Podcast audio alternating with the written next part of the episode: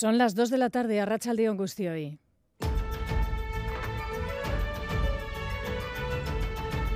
Crónica de Euskadi con Aichiber Bilbao.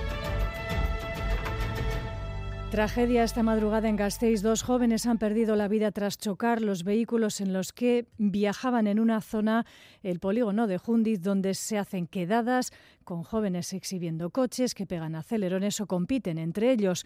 Nos lo contaban los vecinos. También el concejal de Seguridad y Tráfico de la ciudad, Iñaki Gurtubay, que ha explicado que media hora antes de los sucesos una patrulla policial ha estado allí. Los fines de semana, viernes y sábado, suele haber a partir de las 11, 12 carreras de unos chavalitos y se ponen a beber, da un poco de miedo. En la segunda rotonda suelen pasar los coches, todo de, no respetan y tampoco se esperan a que uno pase. Es un juego para ellos, es una diversión y si ven la policía se marchan. Hoy mismo, antes de los sucesos, ha estado la policía allí mismo, ha dispersado a personas que estaban allí y precisamente al media hora más o menos después de que se vaya la policía es cuando se ha producido la colisión. Juego de jóvenes, adrenalina, diversión, que ha terminado, como decimos, en tragedia. Un tercer joven conductor de uno de los vehículos está gravemente herido. La policía espera tener más datos para poder interrogarle.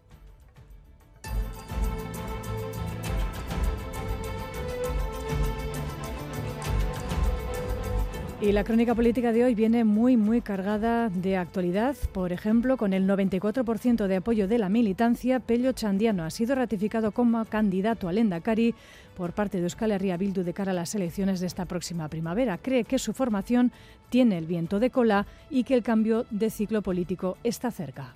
No es una opción seguir donde estamos. No es una opción seguir haciendo lo mismo y creemos que cada vez es más la gente que demanda un cambio de ciclo. Cada vez es más la gente que está pidiendo una regeneración política.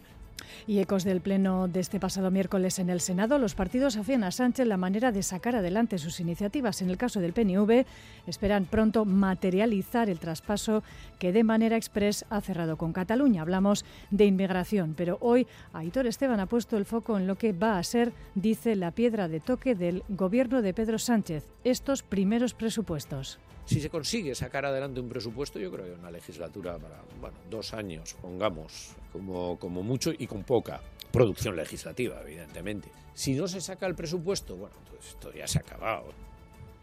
Y hoy se espera esta tarde que miles de personas llenen las calles de Bilbao en una manifestación un año más de Sare Ritarra Giltza, que es el lema elegido para la de este año, una vez de que casi todos los presos y presas de ETA están en cárceles de Euskadi y Navarra, consideran que es momento de que, 12 años después de la desaparición de la banda terrorista, se deje de aplicar la legislación penitenciaria. José Vazcarraga. No han venido a las cárceles vascas para quedarse en las cárceles vascas, han venido aquí para que se les aplique una, política penitenciaria de carácter ordinario. Que, por ejemplo, los songuietorris, pues, generar un, un, dolor añadido, pues se puso punto final a los songuietorris, además por decisión propia de los propios presos y presas, ¿no? Por lo tanto, hay que reconocer también los pasos que se están dando por esta otra parte, ¿no?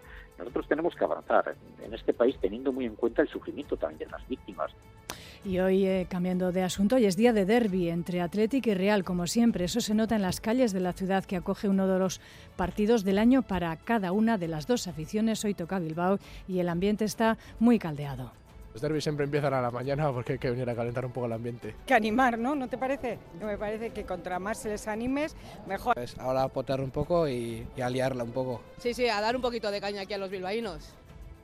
Vamos ahora estrictamente con los titulares deportivos de Onzubieta, Rachaldeón. Hola, Rachaldeón. El Atlético y la Real Sociedad se citan a las seis y media en San Mamés en un duelo que puede suponer un récord de asistencia de público. Geray vuelve a una lista tres meses después y Nico supera sus molestias. En las filas guipuzcoanas, Andrés Silva se recupera a tiempo. Además, el Alavés logró su primer triunfo a domicilio en la Liga. En Sevilla lo eh, endosó un 2-3 con tantos de Tenaglia, Quique García y Duarte. Además, el Eibar regresa al grupo de los playoffs, ganó 2-0 al Racing y Purua con goles de Stoikov y Akeche de penalti. Asimismo, el Amorebieta busca el triunfo esta tarde en Oviedo.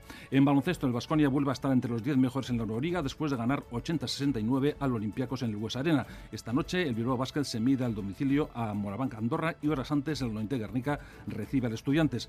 En pelota, Artola e Imaz se enfrentan a Lasio y Aranguren en el Labrit. En Marquina, Jaca y Mariz Correna tienen cita con Peña y Esquiroz. Además, Escurdia y Tolosa derrotaron por 22-7 a Elordi y Rezusta en Guetaria. Y en montañismo, una noticia porque Alex Chicón desiste de su ascensión al Anapurna para no correr excesivos griegos riesgos y vuelve a casa. Gracias, John. Vamos ahora con el pronóstico del tiempo para las próximas horas. Nayara Barredo, Euskalmet, Arracha León. Arracha León, durante la tarde predominarán las nubes medias y altas y salvo alguna gota puntual no lloverá.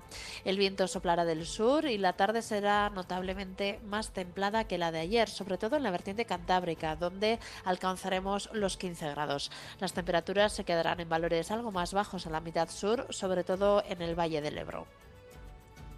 Reciban un saludo de los compañeros y compañeras de Crónica de Euskadi fin de semana. En el control técnico, Jorge Ibáñez e Iker Aranaz. Las 2 y 5 minutos comenzamos.